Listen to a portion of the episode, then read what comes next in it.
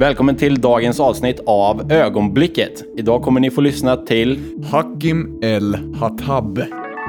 En av världens grymmaste frontendutvecklare som har jobbat med typ världens största bolag som Nintendo, BBC och ja, helt sjuk story egentligen. Varit med och sålt bolag till Yahoo för eh, 50 miljoner dollar. en väldigt ödmjuk person och hans resa från eh, sängen hemma i Sverige till eh, USA, New York, San Francisco, Silicon Valley och eh, hur han nu driver eget och att få ihop det här tillsammans med den man älskar. Vi har tyvärr lite problem med ljudet eh, i mitten av avsnittet men ingenting som stör allt för mycket hoppas vi. Eh, hoppas ni uppskattar ändå. Eh, nu kör vi igång. Välkommen eh, Hakim El Hattab. Tackar, tackar. Eh, jag och Lukas ska ju intervjua dig här nu har vi tänkt. Yes. Eh, Ser jag fram emot. Ja, ja. det ska bli riktigt kul. Ja. Eh, du är frontend-utvecklare, grundare och ägare av Slides. Mm. 31 år, gift, har ett barn och bor i Stockholm. Det stämmer bra. Ja. Fast eh, faktiskt 30. Så nu Du är eh, 30, men föråldrade du, mig lite. Men det är okej. du fyller 31 va? Ja, jag fyller i år. Ja. Hur mår du då? Eh, jag mår bra. Bara bra. Roligt att vara här eh, i min hemort, Falköping. Eh, allt för sällan. Skönt att vara tillbaka och kul att hälsa på här. Du har alltid bott här va? Jag, har, jag är faktiskt född i Göteborg, bodde där i ett fåtal år, så jag är knappt som den minsta fortfarande. Men flyttade och uppväxt ute på landet i Vårkumla där. Sen Ja. barnsben, det är, det, det är min, vad jag anser vara min barndom. Okej. Du har en ganska gedigen meritlista. Vi har ju gjort lite research här, eller du Ja. har gjort det Robin. Eh, grundare av Sketchtoy. Eh, idag 500 miljoner visningar och 65 miljoner sparade ritningar. Stämmer bra. Vad är det för något då? Det är, eh, jag får gå lite bakgrundshistoria. Det var ett, eh, eller för det första så är jag ju frontendutvecklare som ni sa innan. Mm. Vad innebär jag- det? Om vi börjar där då. Jag fattar inte ens det. Nej, okej, det innebär att man skriver kod som är direkt riktad mot användaren. Det är inte så här kod bakom ytan som driver servrar eller någonting, utan det är grafiskt som genererar grafik och eh, animationer och så vidare. Så jag Okej. jobbar mycket med gränssnitt. Eh, och Sketchtoy då är ett experiment som jag gjorde som var ett ritverktyg där man målar linjer som sen eh, animerar lite så här som gamla teckningar, eh, gamla cartoons från Disney på 50-talet. Mhm. Eh, och varje streck man målar kan sen spelas upp i en repris. Då. Så om du målar en väldigt detaljerad sketch, sparar den, skickar det till någon annan, så kan de se den precis som du målade den. Uh, sen är det lite andra twister, du kan rotera på uh, canvasen i 3D och sådär, så att du får lite djup i den. Um, och jag tror nyckeln till att det lyckades så bra var att man behöver inte ens ha något konto eller någonting, utan du bara går dit, börjar måla, spara och skicka vidare till någon. Ehm, men det dröjde faktiskt, eh, i början så var det ju inte många användare, det dröjde två år innan det riktigt tog fart och eh, det var en massa ungdomar från Brasilien och Turkiet som hittade det på något sätt. Så det var en kul dela- grej som du bara lekte fram? Precis? Mm. en kul grej jag lekte fram som sen explosionsartat råkade växa sig fram. Det är rätt coolt. Ja, riktigt coolt. Jag tror en miljon likes på Facebook-sidan och jag fan. spenderade massa tid på att eh, liksom hitta då sketcher från användare. Ibland de här miljontals sketcherna, hitta bra sketcher och feature dem, lägga upp dem där och sådär. Hålla igång ett community lite omkring det. Ja, cool. mm. Du är grundare och ägare av Slides. Som är en on- online-plattform för att skapa, dela och presentera slides egentligen. Just det, det stämmer bra det. Det är ungefär PowerPoint fast på eh, nätet med alla de fördelarna som kommer från det. Man kan skicka länkar till presentationer istället för att skicka filer och sådär. Mm. Eh, Så vi har byggt ett helt verktyg för att redigera och skapa presentationer helt från grunden. Eh, Och det jobbar du med just nu va? Det jobbar jag på heltid på nu. Så det har varit lite en långtida dröm att få starta eget och jobba på det. Visste inte att det skulle vara slides från början, men det, det är det jag gör nu. Ja, cool. Mm. Jag tänkte vi fördjupar oss lite på det Mm. längre fram sen. Mm. Mm. Eh, du har skapat eh, Reveal som är open source framework. det. Ja, det Säger mig ingenting. Det säger inget, nej det förstår jag. Det låter väldigt invecklat. Men det är lite grunden till, eh, till vad slides är för någonting. Jag kan förklara Okej. mer om det om vi går in lite på djupet sen Mm. kanske. Mm. nice. Mm. Och du, jag kan säga att du har jobbat med Google, BBC, Nintendo, SAS. Ja. Rätt tunga namn. Ja, det har varit eh, riktigt många roliga kunder att jobba med. Ja. Um, och särskilt de här, eh, alltså de stora namnen ger ju en himla publicitet i de projekt man jobbar på. Ja, men jag tänker det roligt. liksom också. Mm. Hur man hamnar där. Alltså genom eh, att hitta till rätt företag många gånger. Ja. Eh, jobba på ett företag som har bra kundkrets och eh, eh, genom dem då få jobba med de här kunderna. Mm. Eh, så det var särskilt genom, eh, kanske vi kommer till det här på listan, men Mm. Fantasy Interactive som jag jobbade på i, Ja, i Stockholm. Ehm, som är en reklambyrå, en dig- digital produktionsbyrå tror jag de kallar sig Okej. själva.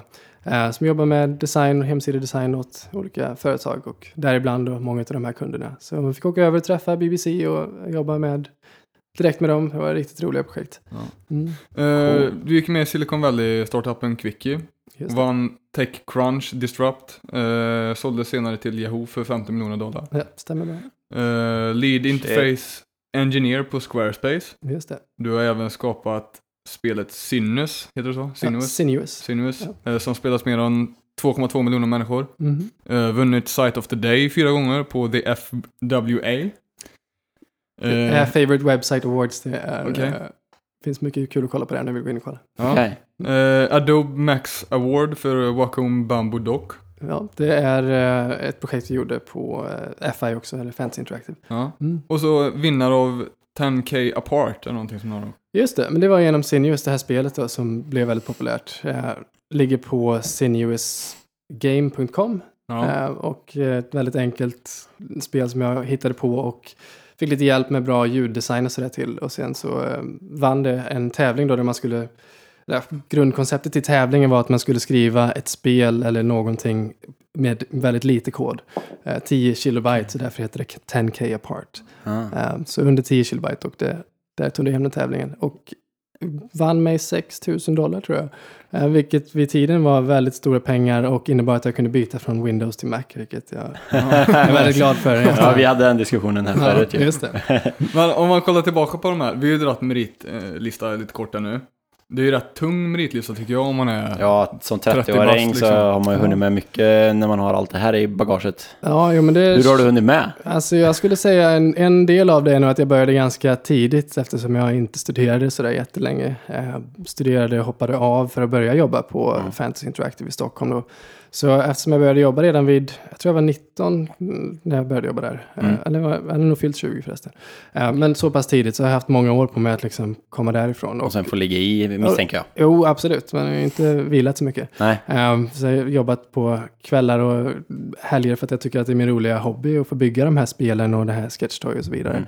Um, Så det blir liksom en del av, av dig. Ja, det är en del Så av då mig. blir Det kanske inte så mycket att det känns som det bara är jobb. det är verkligen inte Eller? det. Nej. Det, det har det inte varit, utan det har varit något som jag ville lära mig. Och genom skolan också som jag ville lära mig och satt och lärde mig ut över tiden för att jag tyckte det var roligt att animera och skapa. Och, det är lite som att sitta och teckna liksom. Det är samma sak när man skriver kod. Man sitter med en, en blank canvas till att börja med och Mm. skriver kod och kan skapa någonting från ingenting.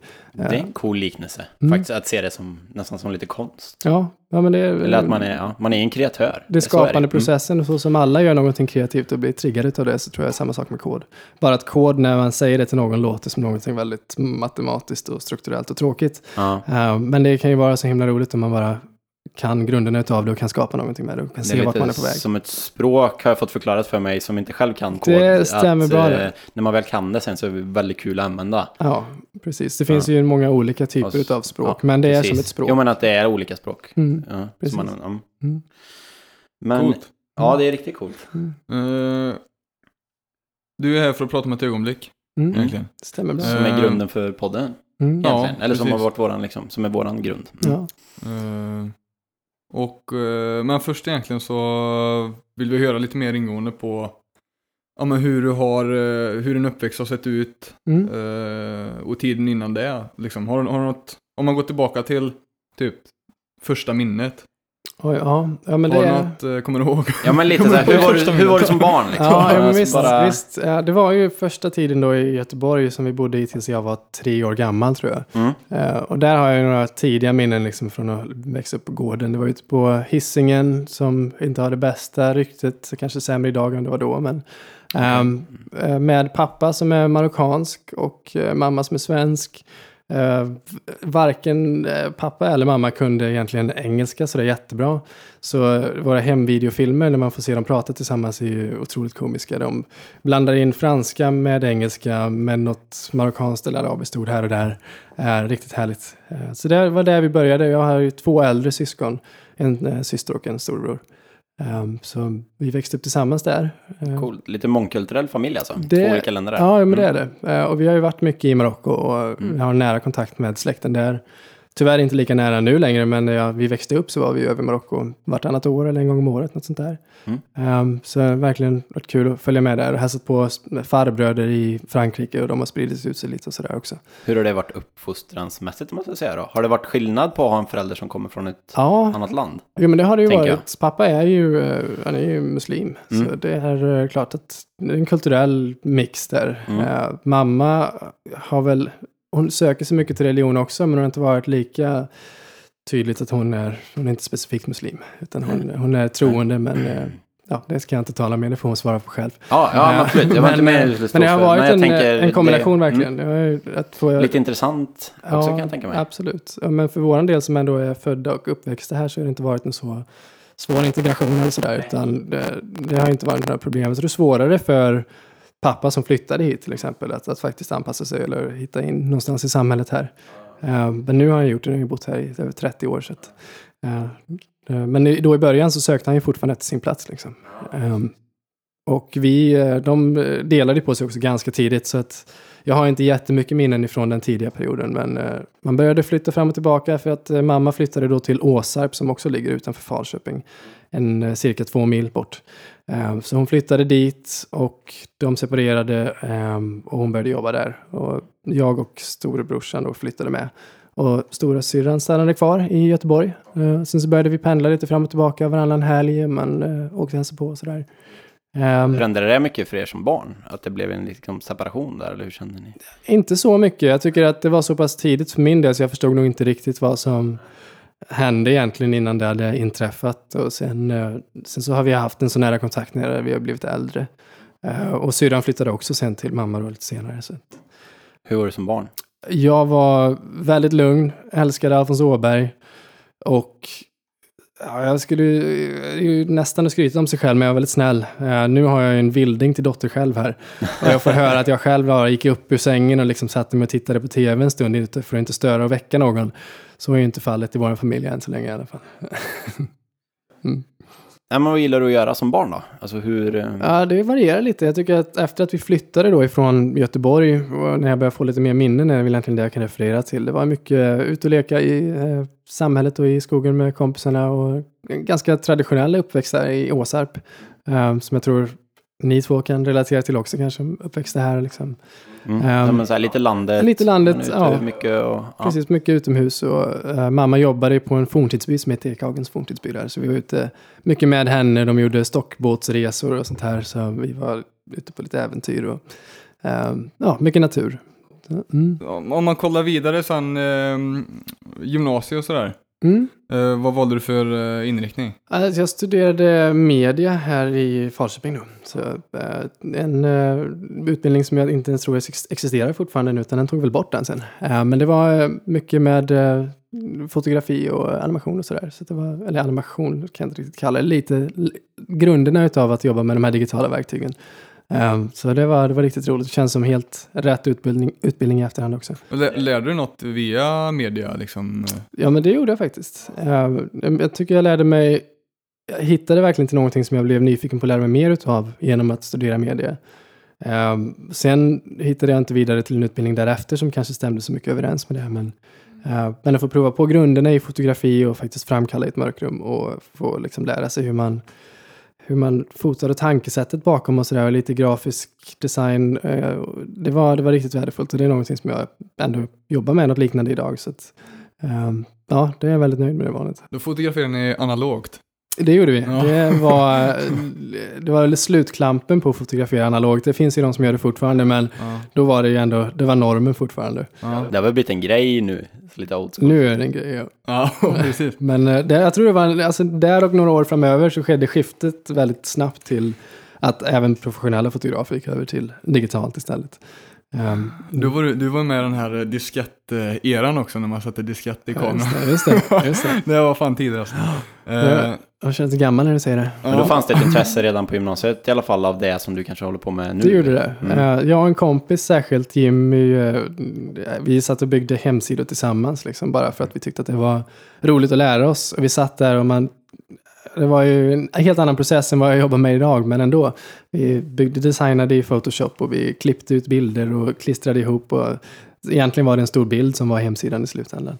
Eh, men eh, det var där man byggde upp nyfiken, nyfikenheten för det. Byggde någon klassida och lite sådär. Men egentligen, hur, hur kom ni in på, på det spåret? Alltså att du Ja, fick började det? Ja, okej, det kommer väl tillbaka till att vi hade en dator hemma någorlunda tidigt också.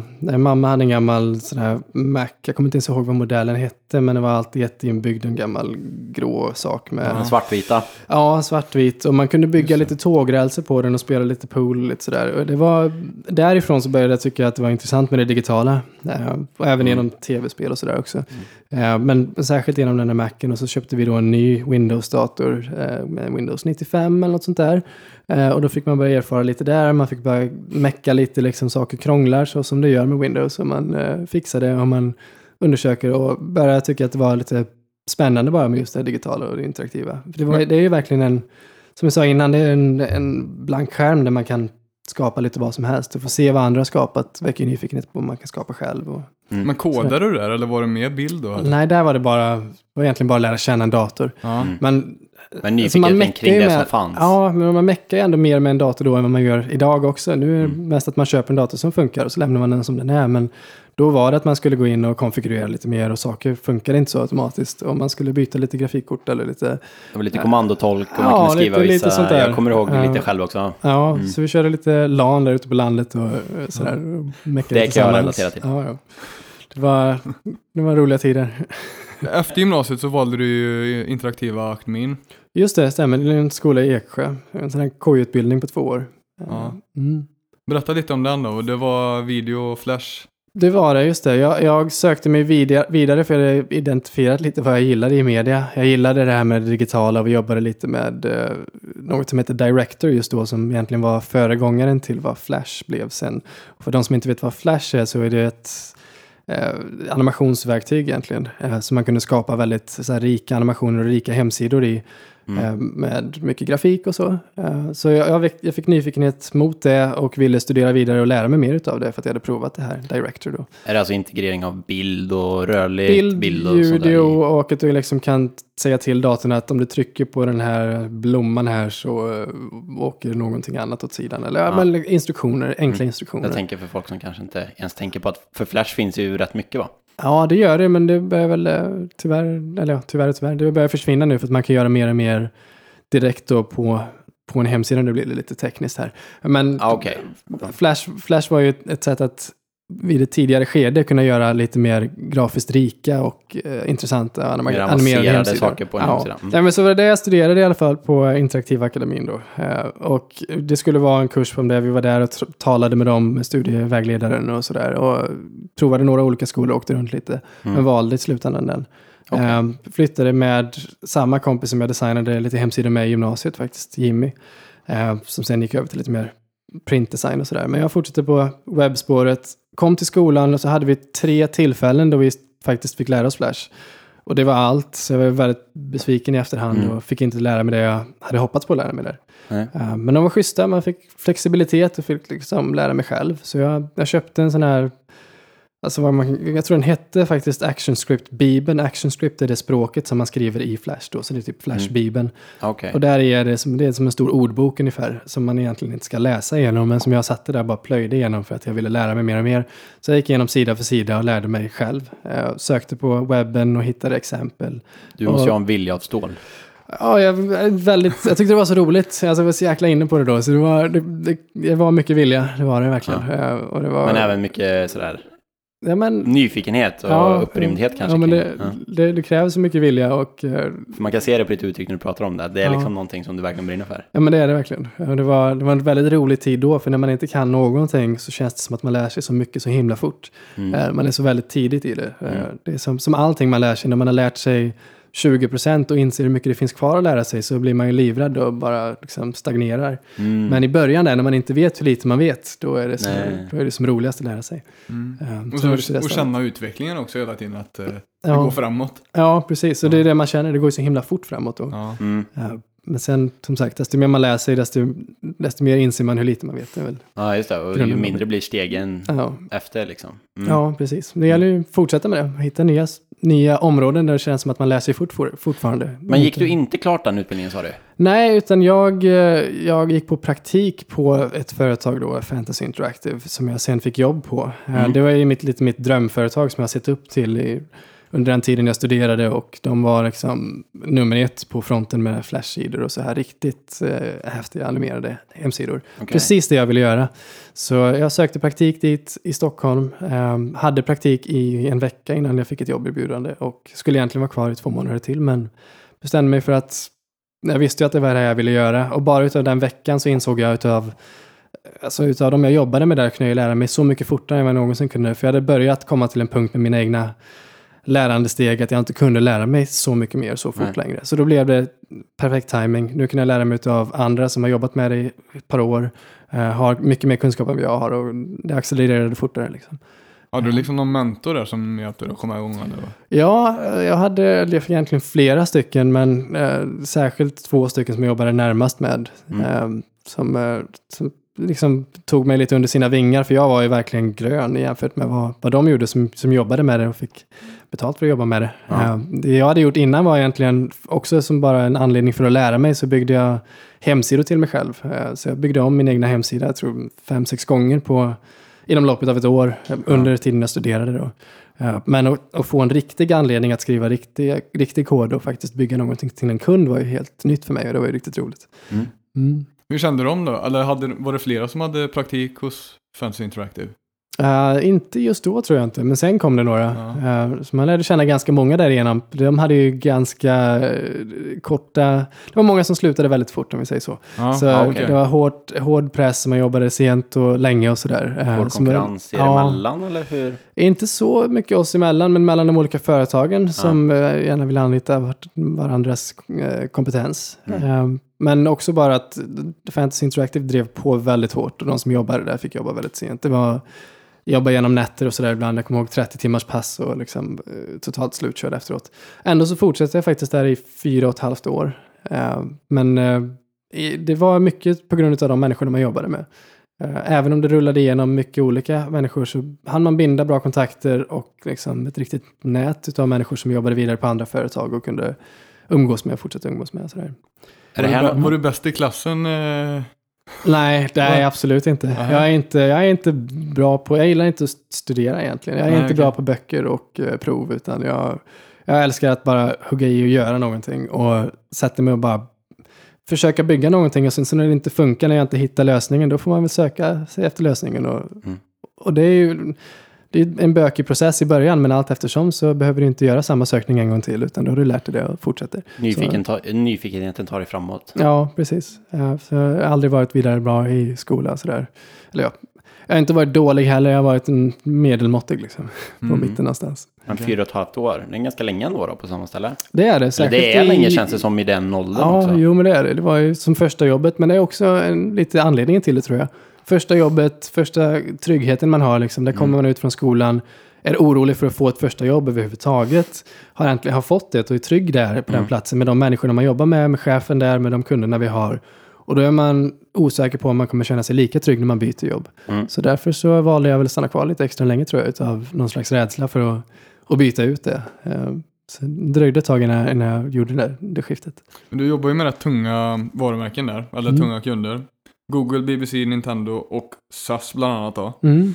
Hur var det liksom att, att jobba med så pass stora, och så, som grön då som du säger, och så kommer man att jobba med en av världens största bolag liksom. Ja, alltså det, det var eh, otroligt spännande. Jag menar, man har suttit hemma i Vårkumla och spelat Nintendo-spel sedan man var liten och sen kommer ut ganska grön och får jobba med dem som kund. Det är ju riktigt eh, utmanande. Man sätter ju himla höga krav på sig själv i det läget. Mm. Eh, och det är ju positivt, för då drivs man framåt också. Mm. Eh, sen efter bara ett, ett eller två år på Fantasy Interactive, med tanke på att de hade så många människor som slutade så pass fort och anställde nya, så fick man ju växa upp inom sin roll där och eh, ganska fort så var jag senior interactive developer då, alltså någon av de som har varit där lite längre. Jag var 22 år gammal och liksom jobbar med, som får vara den som håller kundkontakt och sådär för att man Cool. eh, för att man råkar ha varit på det företaget lite längre och visat att man vill ta det ansvaret. Så det, det, det var utmanande men det fanns ingenting att förlora på det heller. Man bara kasta sig framåt liksom och se hur det går. Ehm, ja. Hur kommer, men hur kommer vi in på ögonblicket här då? Vart kommer det in i den här Alltså det storyn? kommer in lite i... För nu, jag känner att det vore kul att koppla in det här. här nu. Ja, ja men absolut. Det, det kommer väl lite efter de här fyra och ett halvt åren på Fantasy Interactive då. Att, att eh, det, det kändes som att det var dags att prova någonting nytt. Jag hade under senaste, sista året som jag jobbade där börjat göra lite mer av mina egna projekt. Mm. Det hade jag inte gjort tidigare under tiden jag jobbade där. Utan jag började göra lite experiment, ehm, bara lite roliga spel, lite eh, animerade, egentligen saker som inte hade någon poäng utan bara roliga animationer. Mm. Eh, och det började sakta men säkert driva på ett litet av ett följe, eh, mycket aktiv på Twitter och sådär. Och, eh, det- alltså varenda experiment, experiment jag släppte drev på ytterligare några följare så att jag kände att jag ville släppa ett nytt så fort som möjligt för att Mm. För att det var kul att få den, den positiva responsen helt enkelt. Ehm, och genom det så började det väl väcka lite intresse från andra företag som såg min hemsida, mina, mitt arbete och sådär. Mm. Ehm, och jag började känna mig redo och mer trygg i att det vore inte så svårt att hitta någonting annat, något annat roligt att göra. Och jag ville gärna göra någonting som var annorlunda ifrån reklambyråvärlden då. Ehm, för att det, är, eh, det tar mycket energi av en att, att bygga ett projekt åt Nintendo på två månader som sen, eller tre, fyra månader ibland och som sen har en levnadstid på en månad för Mm. det är bara en kampanj just inför att ett spel ska släppas eller någonting. Eh, och sen försvinner det. det är, man investerar så himla mycket kärlek i det som bara... Precis. För en sån kort tid liksom. Ja, Mm. precis. Så eh, jag var sugen på att göra någonting på längre sikt, på längre tid. Och eh, började fundera på vad det skulle vara. Eh, och ja, ögonblicket egentligen är ju eh, där vid fyra och ett halvt år efter på FI som jag fick ett mail från grundaren av eh, Quickie, ett San Francisco startup. Ta oss igenom den dagen. Hur såg Okej. den dagen ut? Om jag ska säga... Så okej, vi- ja, absolut. Men dagen, eh, det fanns inte så mycket dag innan, för det var faktiskt i sängen på morgonen. ah, Så jag, jag rullar upp som man brukar göra, liksom, vänder mig från ena sidan till den andra. Eh, Maria, då, min tjej, låg, bredvid där. Mm. Eh, rullar till andra sidan, kollar mejlen, eh, rullar igenom lite långsamt. Står det någonting där, Doug and Brucey, eh, making history, vad är det här för något nu då? Mm. Så klickar man in där och så var det ett mejl från då grundaren av eh, Quickie, ett Silicon Valley startup. Som, som frågade om jag var intresserad av att jobba med dem. Han hade hittat mina sidoprojekt, mina egna projekt och tyckte att de var, de var bra. Ehm, Vad höll de på med då? de höll på med, ska vi se, det enklaste sättet att förklara det är att de omvandlade Wikipedia-artiklar till korta interaktiva videosekvenser istället. Så man kunde titta på en Wikipedia-artikel med eh, bilder och med video och med en berättarröst. Och de gjorde det per automatik. Så jag hade redan, jag hade sen, kände till deras företag sedan tidigare för de har fått mycket press och sådär. De hade Okej. vunnit en av de största startup-tävlingarna i San Francisco som är Techcrunch Disrupt. Jag har vunnit en stor check därifrån och eh, hade ny, nyligen fått investering på 8 miljoner dollar Mm. eh, för att bygga vidare på sitt koncept. Eh, så jag kände redan till dem och blev väldigt nyfiken när jag fick mejlet. Eh, och vände mig om till Maria och frågade om hon var intresserad av att flytta till San Francisco. Där och då den dagen? där och då du bara dagen. frågade direkt i sängen? Jag frågade direkt. Jag vände mig om och frågade. Bara för att det skulle vara spontant och roligt att fråga henne. Ja, men jag menar, hur hon- såg ett sånt mail ut? Jag var Ja, lite var- nyfiken på, tänker jag. Ja, visst. Det var, det var inte jättelångt. Det var succinkt och han, alltså, någorlunda storslaget skrivet på ett amerikanskt vis tror jag. Det är Mm. liksom rubriken Making History och det var nog någonstans ett litet Changing the World och eh, lite så som en, som en svensk inte skulle skriva men som, som man gör där. Eh, och det var ju verkligen lockande som sagt. Så Av att känna till företaget tidigare och få den här introduktionen och att det var ju av grundaren av företaget, han som ändå var CEO och driver företaget. Men hur fick han reda på dig då? Det var genom mina sidoprojekt. Så de här sakerna har jag det. gjort som hobby för att jag tyckte att det var roligt och för att lära mig. Ja. Ehm, hittade han och tyckte att de var bra. Då. Och det var ju många som skickade vidare dem och sådär. Ganska... Via Twitter då liksom? Via Twitter. Jag hade väl ett, säkert ja, ett antal tusen följare på Twitter som jag kunde dela med mig av saker till. Och därifrån spreds det vidare till hemsidor och Ja. till eh, olika sådana här awards-sidor och sånt där. Har du varit eh, så här eh, Facebook-kille och eller har det bara varit Twitter med, alltså sociala medier tänker jag nu? Alltså det roliga är att det var, det var mamma som fick mig att eh, komma med i Facebook. Lite Ja. baklänges. För jag var, jag var lite anti ett ganska långt tag. Så fick hon mig till slut att okej, men jag signar väl upp nu och sen slutar tjata om det. Men sen har jag sen dess faktiskt slutat igen. Jag är bara med i Facebook för Messenger. Ja. Men Twitter, ser jag, jag tycker Twitter är roligare. Det passar mig bättre. Eh, Det är kort och det är lite mer av en nyhetsström. Facebook... Eh, jag ska inte gå in för djupt på varför jag inte gillar Facebook. Nej, men, eh, det kan bli en annan diskussion kanske. det kan en annan bli. dag. Ja.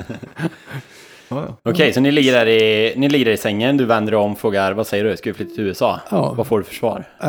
Och väldigt ställd, absolut inte ett ja. Det var Nej. sådär bara, "Ah, vad pratar du om nu? Jag är inte ens vaken än. Eh, så det dröjde ett litet tag innan jag fick ut ett ja ur, ur Maria. Hon ville liksom fundera igenom det lite mer. Jag var väldigt sugen på det. Och det var ju inte som att jag, men det ledde ju fram till det lite. Jag hade ju tänkt på det tidigare. Tänkt Ja. på möjligheten att flytta till USA. Särskilt genom då Fantasy Interactive som har faktiskt har kontor i New York. Att man kanske kunde flytta inom företaget. Ja, där du redan dit. var, ja. Ja, precis.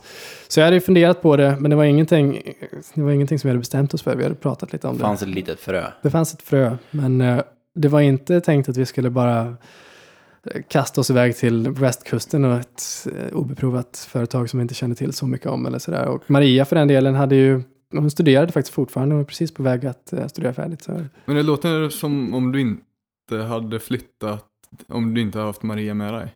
Nej, det hade nog varit ett mycket svårare beslut att kasta iväg sig själv. Alltså, sj- själv är man ju mycket mindre, så är det.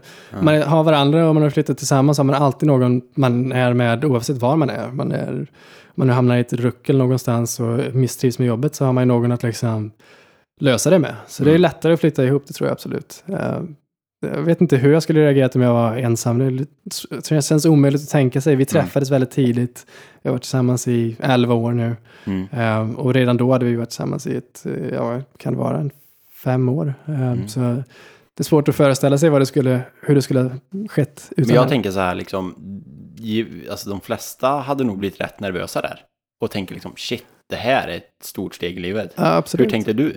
Jag eh, blev också nervös, så jag fortsätter vara nervös. Det, det är ju eh, en ganska lång process att göra en sån flytt också. Man Mm. behöver gå igenom visum och eh, jag kan berätta mer om det också. Men det, det Mm. tog ett tag innan vi faktiskt flyttade. Och jag var väldigt nervös när jag åkte över på att intervjuas och all, genom alla steg egentligen. För Mm. att det var ett så stort steg. Men det är ju en, det är i efterhand och under tiden en väldigt spännande och rolig känsla också. Mm. Där får man komma och bli lite, lite eh, omhändertagen av ett startupföretag med pengar och bo på finhotell och kastas omkring till liksom, ja, få allting omhändertaget. De bokade en flygbiljett några dagar senare efter att jag hade sagt ja på mejlet och, eh, och kom över och intervjuas och sådär. Så det gick undan liksom. Det var, det var spännande, var bara att hänga på. Det var inte en snack om eh, Skype-intervju eller det var bara... Eh, Jag pratade med en av dem på Skype innan. Ja. Eh, Men eh, sen, sen var det bara att flyga över. Eh, Okej.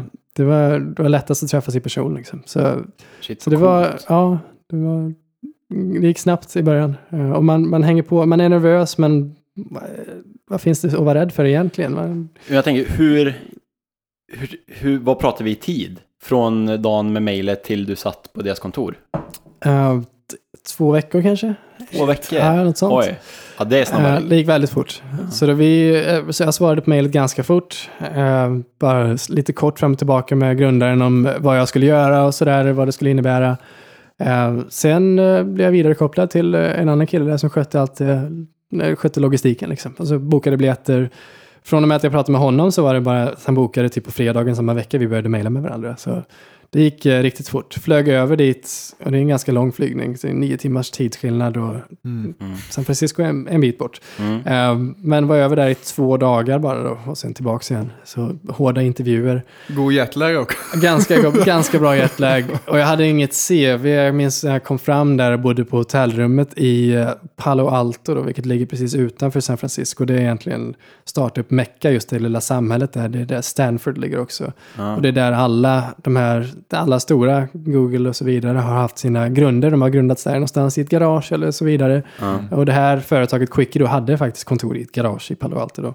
Eh, Just San, San Francisco eller startup Silicon Valley-anda liksom. Mm. Ehm, så jag bodde där på ett hotell och på kvällen fick jag ett mail från Quickie som undrade om jag kunde skicka ut ett litet snabbt CV också bara så att de kunde kolla på det när jag skulle träffa alla de anställda dagen efter. Och jag hade inget CV så jag satt med där och började printa ihop ett fort som attan. Det, Ja.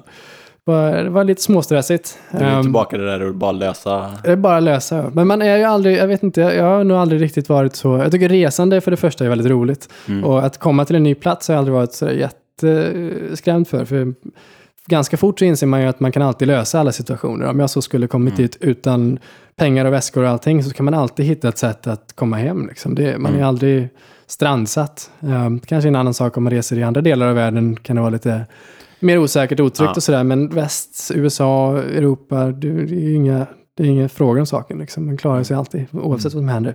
Eh, så, men det var lite stressmoment, det var det. Det här med CVt. Eh, Du måste varit ganska nervös där. När Ja, absolut. Jag var riktigt nervös. Och dagen efter så träffade jag hela företaget också.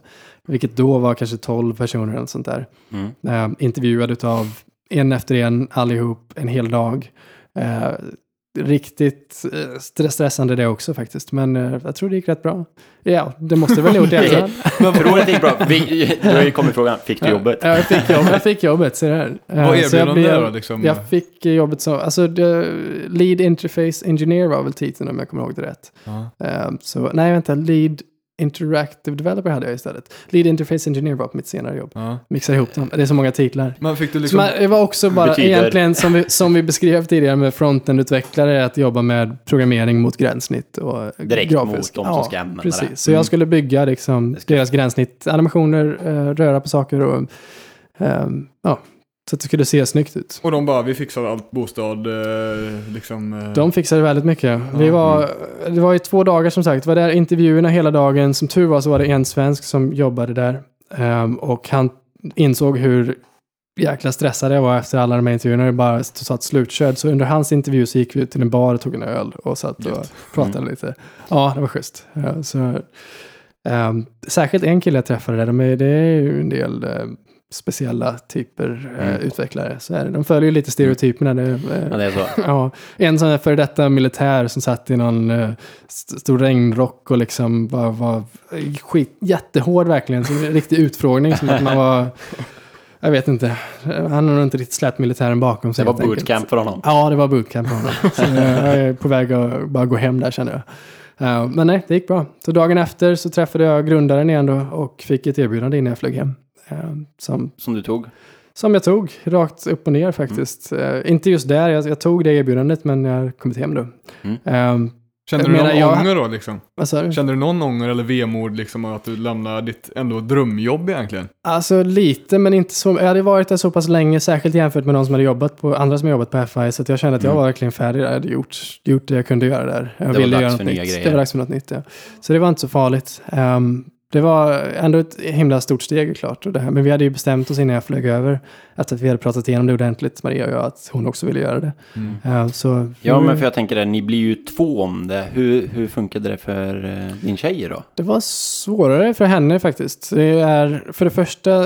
För du hade ju ditt klart då med jobb och sådär, för det var ju du som Ja. blev headhuntad, men jag tänker hon... Ja, det är betydligt svårare för henne. För att det är inte alla jobb man kan komma över för att jobba i USA heller. Ja, Det okej. är, det är väldigt svårt att få visum. Eh, Mm. Det finns ju, jag kan alldeles för mycket om amerikanska visum, mer än vad jag vill Ja. kunna. Eh, Men det visumet jag fick, jag kunde inte söka vad man brukar söka, vilket är ett H1B. Det måste man ha universitetsutbildning och minst fyra år i skola bakom sig. Mm. Eh, och något två år av arbete eller sånt där som ska plussa ihop. Så det kunde jag inte söka, men nu fick jag istället gå på vad som används för atleter och rockstjärnor och sånt där. Som artister och konstnärer som eh, beprovar sig genom sitt arbete. Mm. eh, som är ett O1 och det har den härliga titeln Alien of Extraordinary Ability. Så Okej. den fick jag till slut då. Men då fick man söka genom att visa upp mitt egna arbete, att folk hade skrivit eh, artiklar om det i tidningar och så vidare. Så man eh, på något sätt bevisade att jag var så extraordinärt bra att um, USA skulle vara sämre utan mig. Och då hade väl antar Ja. jag fick en ganska tung liksom, betydelse för att du skulle få komma eller? Ja, men det hade jag ju. Och Mm. det är ju en investering för ett företag. De får ju lägga ett antal 10 000 dollar på att anlita advokater som spenderar lång tid på att göra det här. Jag fick pärmen efteråt och det var ju en 300 sidor, alltså en, Shit. bara en Wow. tjock bjässe med eh, referenser ifrån olika människor som jag inte ens kände. Som grundarna utav företaget då kände och refererade till. Det någon som var med och jag tror det var vdn för Ebay och alltså, så jättestora namn som hade skrivit rekommendationsbrev till mig. Bara på grund av att de kände Wow. dem då. Så att, Alltså, Eh, man får ju det är ganska smickrande. jo men det är det. Men och de, då har man ju verkligen kämpat för att få dit dig. det, det är smickrande att de kämpade, det är inte så smickrande att få rekommenda- eh, rekommendationer från människor man inte känner. Men det är lite konstigt. sant däremot. Att man, görs det liksom bara för att... Det är bara för att det ska, allt, liksom. det, om deras namn väger högt där då. Mm. Så, och sen gjorde jag en sån, jag spolar fram lite, så gjorde jag en sån ansökan till för ett nytt sånt visum. När man byter jobb måste man söka ett, ett helt nytt visum igen då. Men hur länge Ja. gäller visumet då? Det gäller i tre år. Och sen kan man förlänga det här, just det här visumet år efter år. Måste det göra samma process igen då? Om du byter jobb så måste du ta ett helt nytt visum, hela Oj. processen från grunden igen. Oj. Eh, Så ja, det fick jag gå igenom med mitt nästa jobb. Men USA är inte enkelt med andra ord. det Alltså. är inte alls vidare enkelt. Ja, i och för sig, Och- vi har i och för sig hört det, men... Ja, och sen särskilt då för att ta med någon så vi var gifta, eller vi gifte oss faktiskt lite senare, men först i början så kom hon över på ett turistvisum bara. Mm. Ehm, och för att kunna ta över någon på mitt visum som ändå inte får arbeta, som bara får, får vara i USA, så måste vi vara gifta. Vi var ju så långt gångna, vi var redan förlovade och vi ville gifta oss, så vi gjorde ju det efter Mm. ett år att vi bott i, i Mm. USA. Ehm, sen bytte hon till det visumet som, som följde med på mitt då. Men hon fick ju inte arbeta alltså. Utan hon, Ingenting? Nej, hon fick inte tjäna pengar rättare sagt. Så hon fick Ja. ju göra volontärarbete istället. Okej. Eh, Men hon har studerat eh, historia och fick eh, jobb eller volontärarbete. Eh, nu spolar jag fram både en och två gånger här. men för, för vi bodde först i San Francisco men så småningom så tog företaget oss vidare till New York. Eh, företaget Quickie flyttade till New York, flyttade hela Okej. kontoret dit. Så Ah. då flyttade vi med och, och där då började Maria jobba som volontär på eh, New York Historical Society Museum. Så hon fick ju ändå jobba och få erfarenhet av det men hon kunde inte jobba och tjäna pengar. Okej. Mm. Och det fanns ingen chans att hon kunde få det? Det fanns väl chans, men det är, det är inte många företag som är redo att betala det här och sponsra ett visum, så som Mm. startup-världen gör. Nej, precis. Det är inte så många yrken där man kan göra det. Eh, Om man kan få ett sånt här H1B-visum som är lite mer standard så är det ju billigare och lättare att ordna ett sånt, men. Mm. ehm, nej, det är inte så, inte så lätt att ordna. Hur länge var ni i San Francisco då? I ungefär sex månader. Sex så, månader? Ja, så vi utnyttjade de månaderna ganska väl faktiskt. Det är ju Mm. Blir mycket utflykter och lärde känna de andra på företaget. Särskilt eh, en kille som heter Owen Basola eh, och hans fru då, Katja. Eh, som blev Marias bästa vän där och som vi fortfarande umgås mycket med. Och Owen är han jag senare grundade företaget som jag jobbar på idag med. Mm. Så vi lärde känna dem direkt faktiskt. Och första kvällen vi flyttade så gick vi ut på middag och sådär. Liksom, och umgåtts väldigt mycket. Vi gjorde utflykter till Tahoe och runt omkring. Och, eh, Man kan man säga då att efter du hade tagit det där beslutet, efter det ögonblicket där mejlet kom och alltihopa, Mm. så började eller ert liv då, kretsa ganska mycket kring företaget du började jobba på. Eller liksom att de hjälpte dig mycket och sådär, när det blev USA, eller hur? Det, det blev det absolut. Så blev ju, allting kretsade egentligen omkring företaget Ja. eftersom det var därför vi, vi var där. Mm. Och det var ju lite konstig sits för Maria tror jag. Så, Ja, för jag men- tänker det, om man är liksom den parten som inte Ja. jobbar i företaget. Nej, men det är mycket, det är mycket begärt av någon annan att bara följa med också. Ja. Eh, Men hon, som tur var, så hann hon binda bra kontakter med Genom, att jag, genom jobbet, genom att de, Mm. ja, ja, de jag lärde känna genom jobbet lärde hon känna Mm. respektive och andra. Eh, så vi, hon hade väl mycket tid att umgås med henne som tur var. Det låter som du har haft tur i Jo, din tjej. det har jag Så absolut. att du har hon, träffat en ja, mm, nej, men absolut. väldigt förstående. Ja, hon, men att hon var redo att göra den, ta den chansningen Mm. också. Mm. Eh, för det är ju verkligen att bara kasta allt, eller lämna allt bakom sig. Det är, så, det är nio timmars tidsskillnad, det gör det till och med svårt att prata på Skype. Det Ja. är, Ja. Allting blir ju ganska invecklat, man ser ju inte Mm. familjen ofta och sådär. Så att, Ja, jag, min bror har faktiskt en amerikansk flickvän. Man ser det där. Hur det är att liksom för dem att hålla kontakten över socialt så. ja, Syrran bodde ju är faktiskt i San Francisco. Ja, Eller okej. Kal- California. Ja, var jo. det, California. Mm. Men det var ju också, fan vi pratade inte på ett år alltså. Nej, nej, men det blir ju... Sen ska jag ju i ärlighetens namn säga att vi kanske inte var jätteofta vi åkte hem från Stockholm till uh, Falköping heller. Nej. Eh, Så, så är det ju, men det är ju Mm. betydligt mer sällan när man bor så långt bort som vi i San Francisco. Ja. Och när man vill göra utflykter där, för då är man ju på en helt ny plats i världen och vill göra resor till platser som är nära där. Mm. Eh, Jag menar, bor man i... Man vill ju passa på. Det är nära Mm. till Mexiko, nära till eh, Ja. Karibien och man kan ju komma till helt nya platser i världen eh, som vore roligt. Mm. Så man vill fortfarande semestra, men de flesta semestrarna blev ju hem till Sverige. Så, så Ja. Och så trampbåt i Hawaii. ja, ja, vi kom faktiskt aldrig till Hawaii. Tyvärr. Nej, en annan gång. Ja, okej. ja men sen du lämnade San Francisco. Ja. Ja. Drog till New York, flyttade kontoret dit. Mm. Eh, och vad hände där då? Liksom, Alltså det var ju, eh, jag tror det var grundaren som längtade till New York. Han är uppväxt i, eh, på Long Island precis utanför New York och ville komma hem ditåt. Eh, Mm. Och sen så med, produkten styrdes om både en och två och tre gånger. Lite mer mot eh, människor som jobbade i, eh, i tidningar och publicerade och sådär. med- Skapade innehåll liksom. Och de människorna finns i New York. Där finns designers och eh, modeskapare och så vidare. Och i San Francisco finns det i jämförelse egentligen ingenting. För där är det bara teknik som gäller. Mm. Det är absurt vad mycket teknik det är. Vart du än vänder dig så är det bara startup på billboards och så vidare. Mm. Eh, Så därför flyttade hela företaget dit. Och det var ju det var en ganska liten flytt för min och Marias del i alla fall. Jag menar, Ja. Vi var ju redan på plats i Mm. San Francisco. Vi hade lämnat... eh, Nu var det samma land. Vi Liksom. hade köpt ett helt nytt levande på Ikea och vi hade flyttat in i en lägenhet. Och... Okej, men vi ska bara flytta till New York. Eller? Visst, Ja. ja. det kör väl på då. Men hur, hur var det då att jämföra New York och bo där jämfört med San Francisco? Ja, det är, det är mycket, mycket av en smaksak tror jag. Eller också lite av vart man är i livet. Men för Ja. våran del, två stycken eh, som bara ville egentligen vara ute och roa sig och, och njutit av landet och ha kul, äta middagar och sådär. Mm. Så var New York faktiskt mycket bättre. Mm. Det är ett himla kulturellt liv där. Det är verkligen en underbar stad. Det finns alltid någonting som händer överallt. Ja. Eh, och mycket människor som är lätta att lära känna där särskilt. För att det är så många i New York, New York som har flyttat ifrån så många olika länder, eh, inte har så många vänner inte har så stor umgängescirkel. Som är öppna för att träffa nya. Liksom. Mm. Så man träffar en vän som känner en annan vän och sen så hej som hopp så har man en stor krets av människor som man alltid hänger med. Mm. Eh, så det var, det var riktigt roligt att prova på det.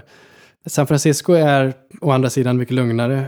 Man går runt i liksom sneakers och mjukisbyxor och eh, lite mer avslappnat. Lite mer Det känns ju nästan som att, jag var ju själv i New York i mars. Mm. Och vi besökte ju bland annat dina kvarter lite Ja, med jag och Viktor och Mm. käkade pizza som du rekommenderade. Ja, just det. Ja, det var nice. Men hur liksom, det känns ändå som att New York, det är typ 9 miljoner arbetare där. Ja. Typ Ja, det är, alla är eh, liksom framgångs... eh, vill åt framgång på något sätt. ja, det är en himla, det, man kämpa, det är meckan för att liksom kämpa sig upp för den här, den här stegen mot framgång. Liksom. Karriärstegen. Det- Ja, och det, man blir ju lurad lite till att tro att många, att alla lever ganska väl där, men det är också svart på vitt hur mycket fattigdom det finns och Mm. hur, Ja. Hur illa det är ställt. Bara man tar tunnelbanan, Ja. alltså några stopp norrut, ut till Harlem eller något som Ja. ändå är på Manhattan, så Det får man ju se, det är ju Helt annat land ett helt annat land. Ja. Ja. Det är helt, Mm. eh, och, jag vet inte, det är, New York är en, en liksom ruff stad. Det är smutsigt och det är skitigt och det är det här dive bars som är fulla med, allting är lite nedgånget men det är också lite charmer med staden. Mm. Mm. Hell's. Kitchen är, jag tycker det är ett fantastiskt eh, område alltså. Ja. Ja, men eh, vi, ja, vi föll för det i alla fall. Vi gillar det Mm. verkligen. Ni gillar staden? Vi gillar staden. Och, jag- eh, Jag tänker lite så här. Eh, för er, ett beslut. Hur, hur tog folk runt omkring er? När ni, eller hur... Fick ni Ah. stöd eller tyckte folk att det var jobbigt? Familj och så tänker jag, här hemma. Nej, vi fick, vi fick mycket stöd. Mm. I alla fall, alltså lite svårare tror jag på Marias sida. Hennes föräldrar hade nog lite, det, alltså yngsta barnet, det är jag också egentligen för mamma då, men Mm. eh, jag tror mamma har alltid varit lättare för, hon är ute och reser mycket själv, hon har lättare för att släppa och sådär. Mm. Eh, Maria har nog närmare, mer tät kontakt med sina föräldrar, så hon hade, de hade lite svårare att släppa Mm. och kom underfund med att vi skulle flytta. Men de kom också och besökte oss en del, så att eh, de fick ju det istället. Mm. Hennes pappa fick göra drömresan vid Highway 1 med någon Corvette och sådär. Gött. Och det har funkat. Ja, det funkade bra. Nice. Han blev såld. Hur länge var du i New York sa du? I eh, två och ett halvt år ungefär. Så totalt tre år i USA innan vi vände hem igen. Med Quickie då hela tiden eller? Nej, utan jag bytte eh, ett, vad ska det, sista året så bytte jag till ett företag som heter Squarespace. Mm. Eh, lite samma historia där faktiskt. Jag fick ett mail från grundaren av det företaget som också sett mitt arbete och eh, undrar om jag var intresserad av att, att byta. Via eh, Twitter eller Hackim-sidan? eller? hemsidan tror jag Ja. som han har hittat mig. Eh, så där var det väl lite mer oplanerat. Men Quickie var vid ett stadie där vi visste att det var på väg att säljas. Det började liksom nå sin slutklamp lite. Vi, vi märkte att det var, det var på gång. Mm. Eh, så alla var väl lite på jakt efter något nytt. Lite, letade lite någon, någonstans i alla fall. Mm, en exit. Så då började jag med den processen. Jag sa ja till det. Jag tyckte det verkade som ett eh, riktigt kul företag. Squarespace är alltså en, en produkt där man designar hemsidor. Okej. Squarespace.com är jättestora numera. De Mm. hade 90... Alla, alltså sina e sin egen hemsida då eller? Ja, precis. Ja. Men det är lätt för att designa en hemsida sådär med riktigt schyssta teman och sådär. Okej. Eh, de betalar man månadsvis och de är enormt stora nu. De har haft Super Bowls reklamer och de har reklam i alla så här yellow cabs Mm. i New York. Och, eh, och de var 90 någonting anställda när jag började. Nu är de över 500. Eh, så väldigt stort företag. Det var riktigt kul att jobba åt dem också faktiskt. Att prova, på ett större företag. För Quickie blev ju aldrig så stort. Det var en 15 personer och sånt där i slutändan. Så jag höll sig ganska litet. Okej. Eh, det, Men eh, liksom, gjorde du mallar då? Nej, utan jag, eh, jag fick faktiskt lite mer frihet att göra lite åt experimenthållet på Squarespace också. Ja. Så utav det jag visste att jag var bra på och som grundaren visste att jag tyckte var roligt att göra. Okej. Så jag fick göra en experimentell version av deras nästa gränssnitt för att designa hemsidor. Eh, och jag byggde en, en logoskapare som man kan typ bygga ihop enkla logotyper med. Eh, vilket var en del av det som väckte nyfikenheten mot slides också för att bygga gränssnitt och sådär. Ja. Så jag fick, jag fick göra ganska mycket roliga grejer men jag var inte där så jättelänge. För att under tiden som jag jobbade på Squarespace så hade jag även Mm. på sidan startat då Slides, mitt sidoprojekt. Ja. Som är ett verktyg för att skapa presentationer. Eh, Ungefär som PowerPoint, Ja. sa du va? Ungefär som Mm. PowerPoint. Så det växte gradvis på sidan av mitt jobb på Squarespace. Blev mer och mer att göra. Satt sådär någon halvtimme på jobbet, kanske svara på lite mail på slides. Sen blev det någon timma, och sen blev det kanske två timmar. Ja. Och sen börjar man känna att oj då, så här, nu börjar det lite oschysst mot, mot. Squarespace. Ja. Men vi var, man är ju i en svår sits, för där sitter man i USA på ett visum som, eh, om jag slutar jobba på, på företaget som sponsrar mitt visum då, så har jag ju, jag tror det är 14 dagar eller någonting på mig att lämna landet. Oj. Oj. och där ska man, man har ju en lägenhet och ett kontrakt och det måste man betala färdigt för hela året och så vidare. Så att, Mm. eh, man vill göra, det, vill göra det på sin egna, Rätt väg. ja, på rätt väg precis.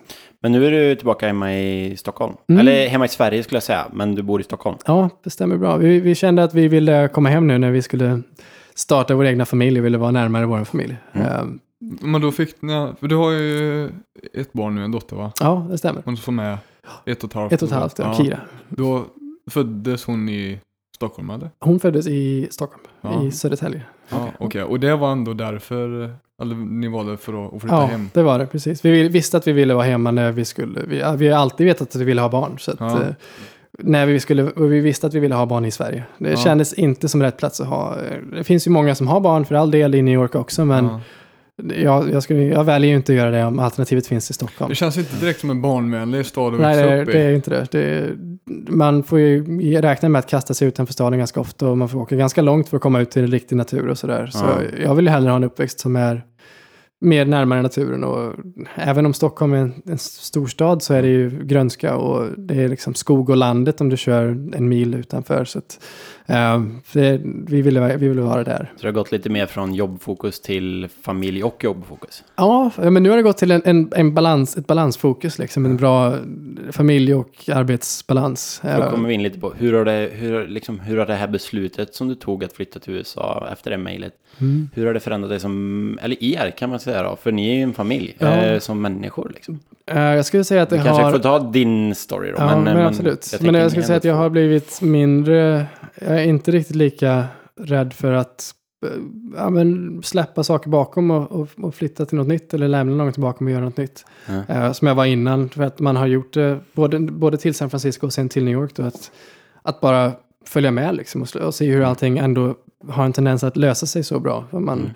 Man har, jag tycker det är lätt att se framåt och se allting som kan bli fel och gå Mm. fel. Men att, nu har jag väl lärt mig att inse att även om vissa saker går fel så löser det sig då. Man kan inte låta all oro för allting som kan gå fel förhindra en från att göra valet från början. Liksom. Att det inte är så farligt att lämna saker bakom sig, Nej. tänker du eller? Nej, precis. Eh, Så det tycker jag är en, en stor lärdom. Och sen eh, att vara lite mer öppen mot att lära känna nya människor också faktiskt. Eh, Det är en annan skillnad i kulturen tycker jag. Särskilt då New York, som jag sa där med att man... Det är många som är öppna för att hitta nya umgängeskretsar och som inte har något. De kommer dit liksom med Mm. ingenting ensamma eller med respektive och så vidare. Mm. Så vi lärde känna många andra par och vi har fortfarande bra kontakt med dem om vi ska få besök om eh, några dagar från några som vi träffade i New York ett par som sen flyttade hem till England. Nu kommer de, vi var på deras bröllop i fjol och sådär. Så vi- ja, riktigt bra lärdom att bjuda till lite mer. Mm. Eh, Jag har en dålig tendens av att vara instängda liksom, och inte, inte tycka att det är okej att bjuda hem någon på middag eller något sånt där. Men man egentligen borde bara ta det tillfället mer i akt och vara öppen. För att alla uppskattar det. De som blir bjudna är alltid glada att bli bjudna och kommer. Har du, har du fokuserat mycket på någon sån nätverks... Alltså att nätverka eller liksom vara social och prata med folk och... Alltså inte så mycket. Jag tror att jag bara rent som person har blivit lite öppnare för att prata lite mindre, mindre muskler än vad jag var tidigare. Jag har alltid varit Mm. så här rädd för att ge presentationer och sånt. Nu har jag gjort det ett par gånger och gett lite, varit på konferenser och sådär. Och det känns lättare och lättare. Och jag tror en del av det har kommit ifrån USA. USAs kultur är lite mer, man får vara lite vräkig och man får bara vara högljudd. Och, Mm. och det är lite skönt. Jag tror att svensk kultur är totala motsatsen på många sätt. Lite När man, möts man lite, får ja, man får ja. mötas lite på mitten och hitta, hitta ett sätt att öppna upp sig lite mer. Så känns Ja, det men jag menar, lagom. du känns ju väldigt naturlig i det här när du sitter och pratar så här. Ja, ja men det här, det här känns ju avslappnat och naturligt nu för att, Mm. för att jag har gått igenom det där tror jag. Ja. Mm. Mm. Men man får möjligheten att öva på det. Mm. Så. Är det stor skillnad på, kan jag tänka mig då, USA och svenskt jobbklimat?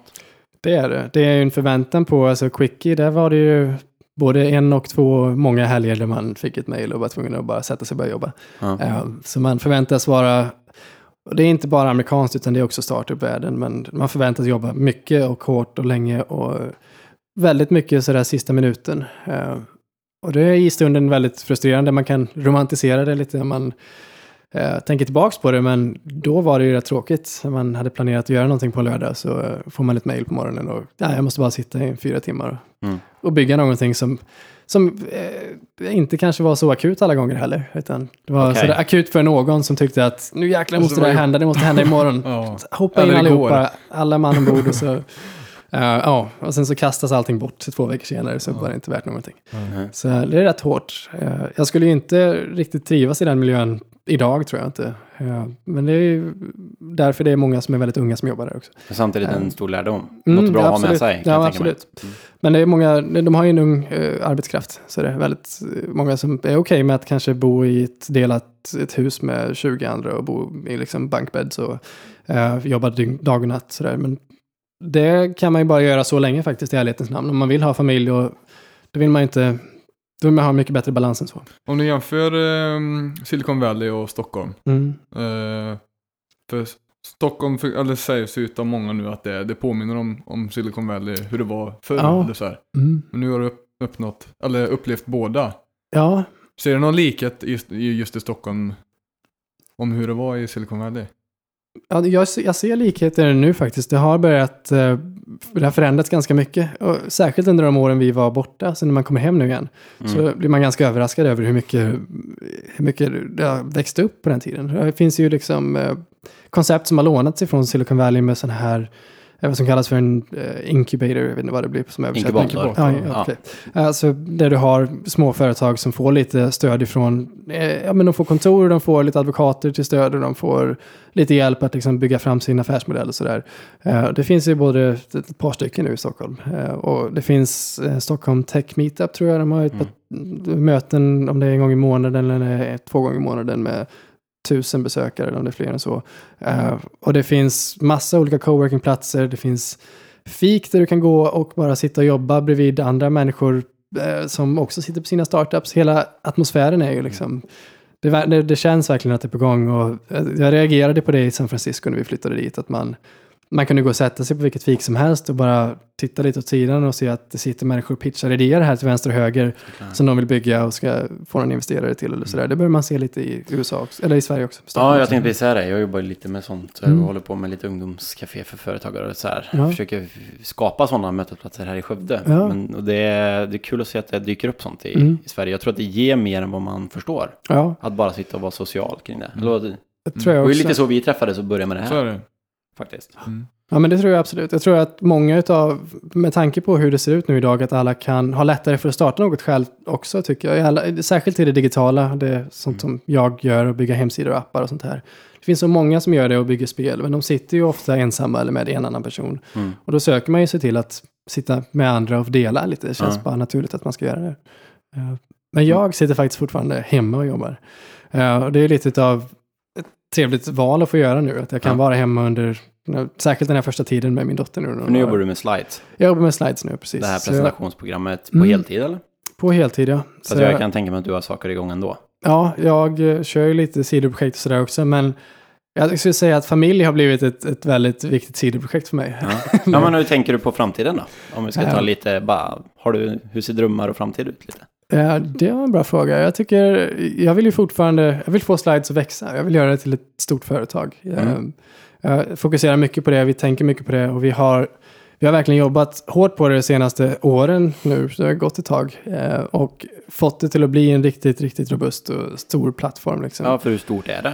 vi har, vi För har, mig som inte har... alltså, vi har så, 500 000 användare. Eh, vilket är, i jämförelse med PowerPoint så är det en minimalt eh, antal. Men eh, Mm. vi, får ändå, vi har nog med betalande användare för att ha två trygga löner. Jag och då min medgrundare Owen som sitter i Brooklyn har ju, eh, han har ju mer utgifter där. Hyrorna är högre, allting är högre. Så vi har två ganska höga löner och tjänar, tjänar bra med pengar på det. Så att, ja, nice. eh, nu satsar vi väl på att växa vad vi tjänar nog för att vi kunna anställa lite fler. Var träffades ni två? Eh, vi träffades på Quickie, så Ja, han, var, han var Director of Engineering. Ja, så Heter det det där? ögonblicket när du bestämde att ta dig över till USA har lett till, även till slides? Det har det gjort, ja Ja, precis. fortsatt. Ja, det har Gött. fortsatt, absolut. Det har lett vidare. Och jag tycker det finns mycket av, mycket spår av det fortfarande. Den här flytten har ju lett till, till väldigt mycket. Och så att, att jag tog den chansen och att fortfarande ha de vännerna och bekanta och eh, män, människor på andra företag nu då som jag fortfarande har mycket kontakt med och sådär. Precis. Och man vet inte vart det tar vägen heller om tio år liksom. Nej, absolut inte. Så, det- Det är guld då. ja, ja, absolut. Jag ska faktiskt vara med i en, eh, en annan podcast nu om Jaha. några veckor. Genom företaget som, ja, ska vi se, spolar tillbaka två steg här. Tim heter en kompis som är från Australien, Mm. som jag hörde av mig till när vi sökte utvecklare till Quickie. Mm. Så jag fick honom att flytta från Australien till New York för att börja jobba på Quickie. Okej. Eh, och han blev väldigt tacksam, han hade precis kommit ut från nyexad från universitet och sådär och var, ville hitta ett jobb och eh, ja, Och kom dit. Vi är väldigt goda vänner fortfarande, um, umgås ofta och vi- vi åker över till New York och han kommer till Sverige och sådär. Ehm, och han jobbar på ett företag som heter CodePen. Eh, och de ska ha en podcastserie, så nu har de bjudit in oss till det. Så det blev det ju verkligen till, det här, den här nätverkseffekten är ju otroligt viktig. Men vi var först. Ni var först. det, det är viktigt. det kommer bli en helt annan, den blir, den blir om bara slides också. Så Ah, det, okej. blir, Ja, okej. det, blir inte, det blir inte så mycket jag där. Nej. Ja, men då fick du öva lite här nu, Ja, om jag misstänker att den blir på Precis. engelska, eller? Det kommer den bli, absolut. Jag känner mig nog ungefär lika bekväm på engelska nu, Ja. när, det, han kommer till jobb i alla fall. Ja, Jag skulle också kunna tänka mig att göra några engelska episoder, men vi börjar med svenska. Ja, men det tycker jag. Det gör du rätt. Nej, men jag tänkte lite, alltså du, du, det känns ju som du har jobbat egentligen med det du har, eller man kan säga som så här, det du har tyckt varit kul och din, det du har ändå hållit på med har blivit dina jobb. Mm. Så det blir liksom, det känns mer som att du förklarar ditt liv via, via det som vissa kallar arbete, men blir mer din livsstil. Ja, Men jag tänker, har du några tips på hur, hur ska man kunna följa då sina drömmar? Om, på, för folk som lyssnar där ute som kanske tycker att det du har gjort är häftigt. mhm.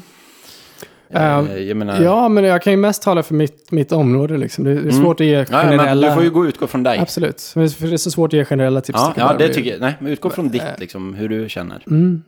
Men då är det ju just alltså, till det digitala. Det, det, det roliga med att bygga hemsidor och appar och tjänster så som, så som jag gör är att man kan ju göra det det enda verktyget du behöver är en laptop, liksom, en dator. Eh, Och då, det är allt. Och sen ska du sätta dig och bygga någonting som kan bli lika lyckat som det allra mest populära spelet. Mm. Eh, och den friheten är ju så himla mycket värd. Du behöver ju inte, det behöver aldrig gå sådär helhjärtat 100% på att göra, följa den här lilla drömmen du har, utan du kan, du kan leka med din, din, dröm och du kan Mm. prova dig fram och du kan bygga någonting och sen utan att ens ta risker se om det funkar. Mm. Eh, och så har det ju gått med, alla mina projekt har ju varit bara små sidoprojekt från början som sen har växt till någonting. Har du känt att du måste lyckas? Nej, har du haft en jag- press på dig att du måste, det här måste bli stort, det här måste bli bra? För det Ja. känner jag när man pratar med folk, att det är många som har den förväntningen på sig själva. Ja, men jag, absolut, det tror jag också. Men jag har, inte, jag har inte känt det, för jag har inte haft, ambition, haft ambitionen att bygga någonting som bara måste lyckas. Det har aldrig Kanske varit därför målet. du har i början. lyckats.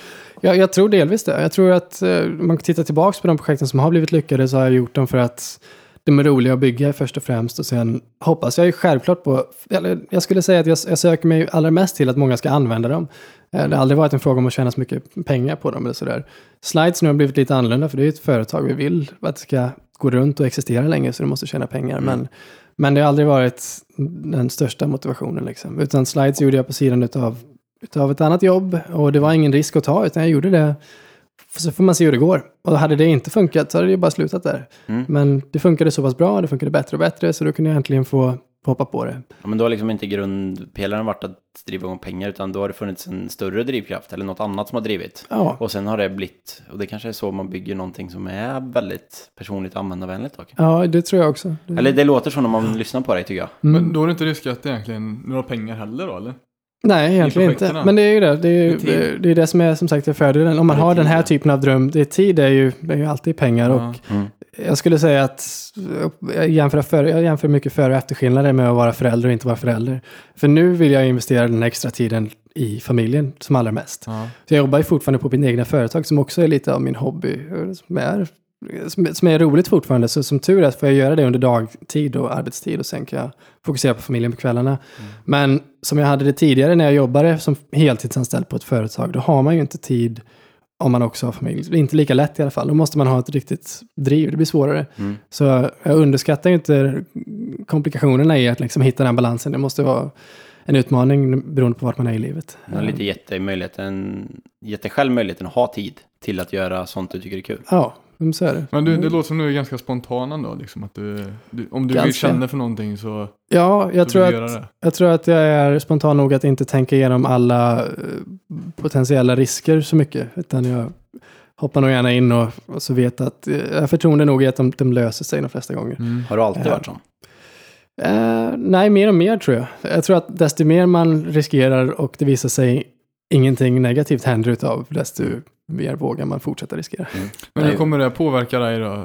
Nu, tänker jag. Ja. Alltså, du, du, kommer ju fort, du vill ju satsa mer på familjen. Mhm. Alltså, du visst, du har gjort tydliga vägval som Mm. har gett dig en jävla massa vägar. Mhm. Ehm, så det kanske kommer lösa sig ändå med alla dina kontakter och sånt där. Och, Ja, jag tror fortfarande att jag, jag skulle trivas i en anställning igen. Nu jobbar jag på mitt egna och är väldigt glad i det, men så småningom får man Mm. väl se vad, vad som händer. Eh, det som, som har varit så som jag är otroligt tacksam för är den balansen jag kunnat ha med slides. Sitta hemma, jobba och kunna vara ledig då jag känner för att vara ledig. Och ett Mm. företag som egentligen, det är ju inte en, det är inte en butik, liksom. det är inte en affär där jag måste öppna en dörr och släppa in människor och stå där och serva Nej. någon, utan det driver ju sig självt. Och bara vi har byggt det väl nog så håller det sig uppe. Sen kan ju en server krascha mitt i natten när man får kasta sig upp i sängen och, och fixa den. Men, men mer eller mindre så driver det sig självt. Så, Skulle du kunna tänka dig om du fick ett erbjudande att sälja företaget? Skulle du kunna tänka dig att göra det? Eh, ja, det är något man funderar mycket på faktiskt. Eh, Mm. För någonstans vet jag ju att jag kommer vilja göra något nytt. Mm. Jag kommer inte vilja bygga slides resten av mitt liv. Du är Liksom. en uppstartare låter det som. Ja, jag vill gärna vara det. Eh, Jag tycker att efter nog med år så blir det ju mer och mer till ett jobb.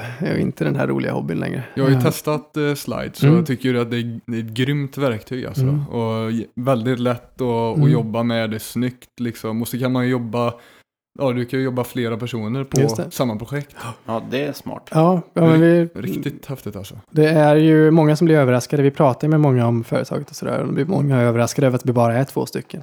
Och egentligen sen, det har ju bara varit jag ensam egentligen innan. För Owen har jobbat på ett annat företag. Han började först i år nu i mars på heltid på Slides också. Och så är det ju direkt i webbläsaren också. Ja, direkt i webbläsaren. Så har fördelen att man kan använda det från plattan eller vart som helst. Så, Ja. mm, Ja, det är häftigt. ja. Men vad, om vi säger om, eh, om du får ett annat erbjudande från eh, Hongkong säger vi. Mhm. Om kanske 15 år när Ja. dottern är... Eh, Vad, vad tror du då? Alltså jag skulle absolut vara öppen för det. Jag vill ju Ja. fortfarande, jag kommer ju inte sluta. Jag, vill, alltså jag älskar att, eh, lite klyschig sak att säga, men jag älskar att resa. Gillar att många, gör, många gör det, men jag, jag tycker verkligen om det. Jag vill, ha, jag vill att det ska vara en stor grundpelare i allt vad vi än nu gör i framtiden. Och jag vill att min dotter också ska ut och resa med oss. Sen så är det, in, det är lätt att säga, men det är inte så lätt att göra när man har en liten, väldigt liten en som eh, inte kan vara stilla och så vidare. Men du kanske har fler barn om... eh, Det kan vara så, 15, ja, men förhoppningsvis inte en bebis till eller ja. inte, ja, men vi får se hur det går enligt planen. Ja. Ja, ja. Nej, men jag, jag är öppen Du- för att flytta Du måste då. inte dela med dig av den planen. Nej. Jag har ingen plan här. Mästerplanen. Det är spontant där också. Ja. Nej, men jag skulle absolut vara öppen för att flytta igen. Inte just idag tror jag inte. Um, Hade det varit med intressant med tanken. USA igen då? eh, kanske. Kanske Mm. New York igen faktiskt. Eh, det känns som att det är mycket som drar tillbaka dit. Men å andra sidan så kan det vara som en plats att man minns en särskild tid på den platsen. Med ett särskilt umgänge och särskilda barer. och, Mm. Man kommer tillbaka till det. Ja, Mm. och man tror att man ska komma tillbaka till det. Men i själva verket är ju New York en sån stad där alla rör sig igenom väldigt fort. Mm. Så de, många av våra bekanta har ju redan flyttat vidare och sådär. Så, eh, jag vet inte, man kanske ska lämna det som, som ett väldigt gott minne och bara komma dit på besök istället för att flytta dit igen. Jag tror att det är lätt att bli nostalgisk och ge sig tillbaka till något som man tror man ska komma till och så blir det inte så. Nej, Då precis. tror jag att det är som du sa, att kolla framåt det är nog mer givande många gånger. Ja, ja men det tror jag också. Det är något jag själv uppmärkt, eller upptäckt också med åren. Mm. Ja, men det, det, det blir så. Man, man romantiserar det väldigt lätt. Ja. Eh, man tänker tillbaka på det. Man, man kanske glömmer bort lite alla de här olika faktorerna i vad som faktiskt bidrog till hur speciell den här stämningen och den här platsen var vid just den tiden. Mm. Vart man var i livet, vilka vänner man som var omkring en. Det är så himla mycket som påverkar mer än bara en plats. En plats är bara en fast plats. Ja. Statiskt och stilla och tråkigt. Sen är det vad man fyller det med. Ja, precis. Häftigt. Mm. Ehm, Ja, riktigt, alltså jag är mäktig resa. 30 Ja, år. Helt sjukt. Och så liksom allt det här. det har varit en väldigt rolig resa. Det ska bli spännande att se vart eh, man kan leda den här. Ja, det här är verkligen någonting som, ja, ditt liv kommer jag i alla fall försöka följa lite med spänning. men, Då- Kommer du jobba till du dör? Jag tror jag kommer ha väldigt svårt att inte jobba. Man, man eh, så här, leker med tanken ibland. Haha, nu kanske vi säljer företaget och går i pension liksom. För att man hittar... Men nej, jag tror aldrig jag skulle fixa det faktiskt. Jag, tror, eh, man kan, jag kan drömma om att jag skulle kunna bara jobba på mina sidoprojekt. Men det funkar ju inte om det bara... Om det är det enda jag gör. Jag måste nog ha någonting med ett riktigt jobb och sen kunna Mm. göra någonting på sidan av. Eh, Så jag kommer jobba väldigt länge i alla fall. Om, om vi går in på det här då. Vi, säger, vi säger att du har, du får ett grymt eh, erbjudande. Du får sälja slides för eh, säga 100 miljarder eller något sånt där. Eh, och så bara, tror att du hade riskat de pengarna då? I, I och med att du inte har ri- riskat så mycket innan egentligen, eller kapital på det. Eh, Jag vet inte vad jag skulle riskat så mycket pengar på. Eller mindre pengar heller. Jag, tror, jag, nej, jag, skulle, jag skulle nog vara väldigt så här, förnuftig med pengarna. Jag Ja. skulle investera dem i att köpa bra boende och saker som, som håller sig i värde. Och sen, Ja. Sen så skulle jag sätta, sätta igång och bygga nästa projekt tror jag. Ja. Eh, Jag, vill, jag vill gärna, när jag leker med tanken om att sälja slides, då är det för att ha en lång trygghetsperiod. Man har liksom köpt sitt boende, man äger allt, man har inga lån. Mm. S- och har ett antal år framöver när man inte behöver tänka på pengar. Mm. Och bara kan satsa på någon idé man har. För slides har jag ändå, från grunden efter att jag började jobba på det på heltid och inte hade ett jobb längre, ett annat jobb, så Mm. eh, har det ju alltid varit ett mål att tjäna pengar. För vi kan ju inte ha ett företag, jag måste, vi måste tjäna pengar för att jag ska Mm. kunna leva på det. Ja, självklart. Eh, så det, man, det hade varit en, en rolig upplevelse att starta ett företag utan den tanken och bara göra någonting som man verkligen brinner för och som... Mm. som Se vart det tar vägen. Ja, se vart det tar vägen. För att man vill nå så många människor som möjligt och inte tänka på att sälja, sälja, sälja. Vad, har du något intresse utanför jobbet? Ja, alltså det är en väldigt Bra fråga. eh, bra fråga. Eh, jag är väl någorlunda nördig. Jag gillar mina, mina spel, jag spelar mycket Playstation och jag bygger fortfarande mycket mina projekt. Men resa mycket. eh, mycket Ja. ja. annars är det mycket familj. Det är liksom naturligt fokus. Det är de grundspel, eller de grundpelarna. Ja, det är de pelarna. Mm. Ja. Mm, alltså, ja. Ja, Häftigt. practice makes perfect. Så att, ja, jobbar man mycket med en sak så blir man väl jäkligt duktig på det. Det, Ja. ju upp, det är ju du ett levande exempel på uppenbarligen. Ja, jo, men jag, jag tror på det också. Mm. Jag, man får ju många frågor sådär ibland om vad man ska göra för att bygga liknande projekt eller hur började du och så vidare. Och, eh, jag tror att många förväntar sig ett tydligt svar om man läst de här två böckerna liksom, och så Mm. har du, eller går just den här skolan eller Att det ska jag finnas tror en rak linje det- fram liksom. Ja, jag Mm. tror inte det finns en sån lösning för många yrken i alla fall. Eh, vissa definitivt så måste man ju ha väldigt mycket grundkunskap och teori, men när det kommer till något så rörligt som design eller grafik och sådär, och programmering också, så Handlar om tid. handlar det mycket jobb. om tid och erfarenhet. Ja. Mm. Menar, du kan ju inte lära dig att, att känna om någonting rör sig på rätt sätt. Du kan Nej. inte lära dig att en knapp borde röra sig på 0,2 sekunder och eh, sakta och sen snabbt. Eller, sånt där är ju erfarenhet. Du måste se det, du måste känna på det och du måste eh, göra det hundra gånger.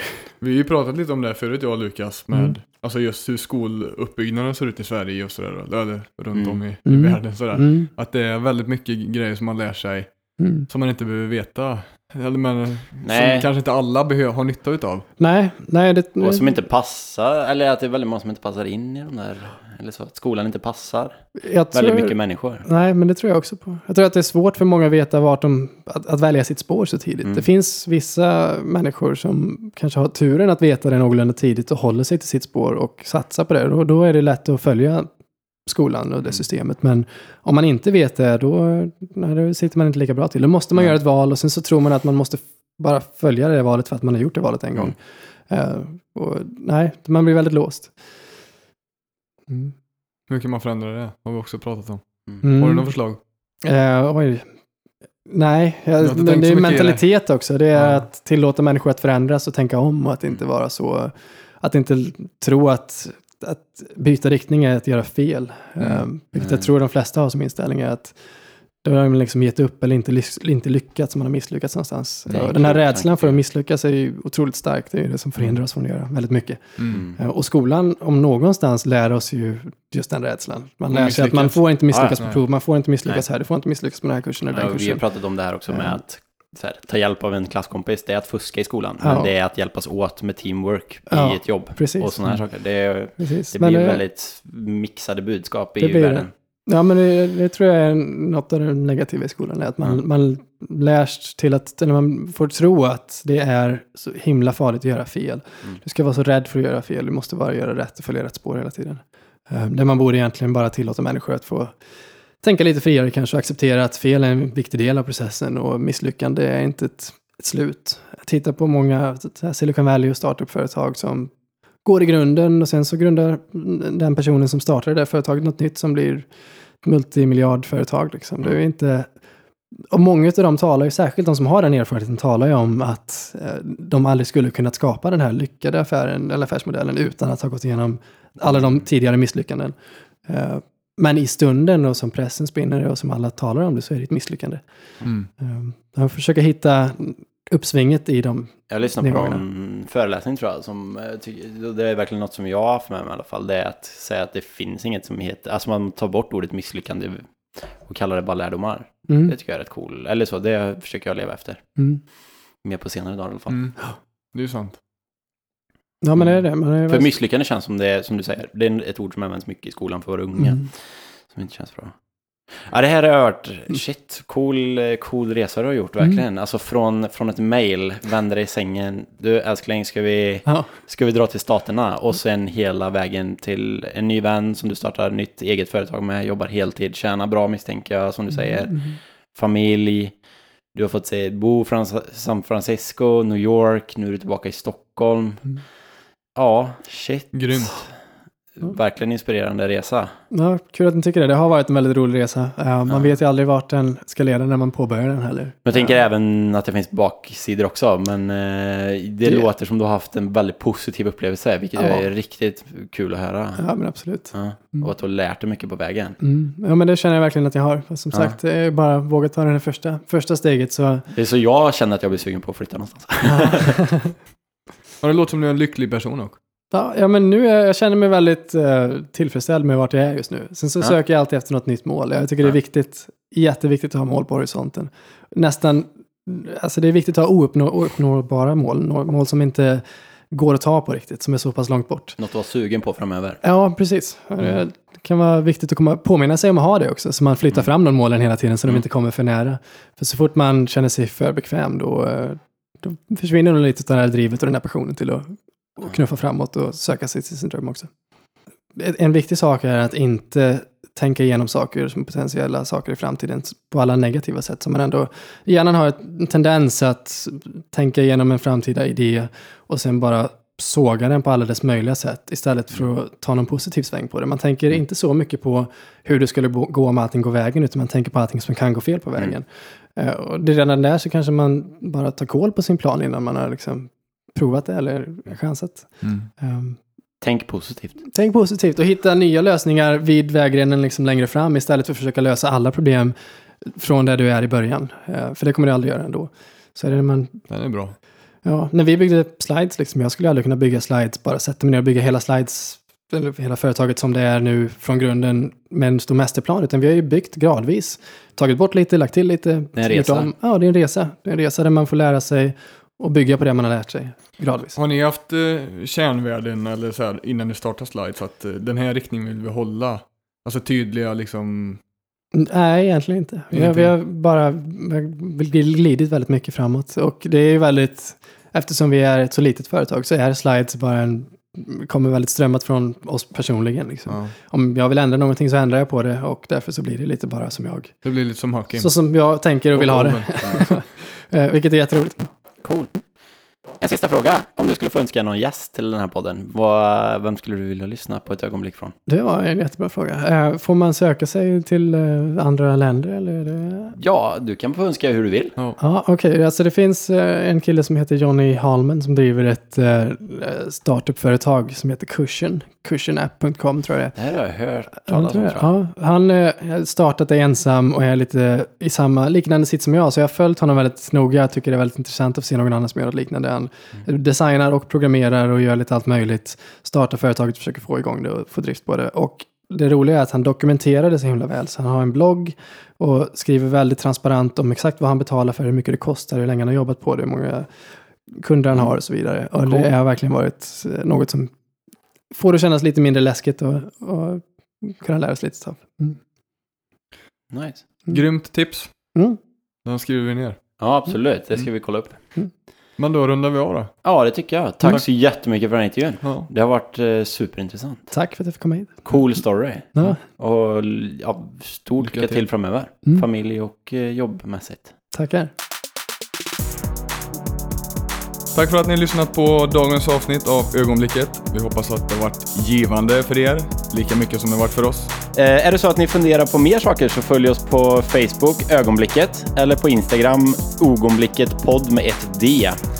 Eh, är det så att ni har funderingar på gäster som ni vill vi ska intervjua så kom jättegärna med förslag. Och även om det är så att ni har förbättringar eller funderingar på saker som vi kan göra för att eh, bli bättre helt enkelt. Eh, hoppas ni får en trevlig dag, kväll, eftermiddag, natt eller vad det nu är hos dig. Ha det bra, hej! Hej.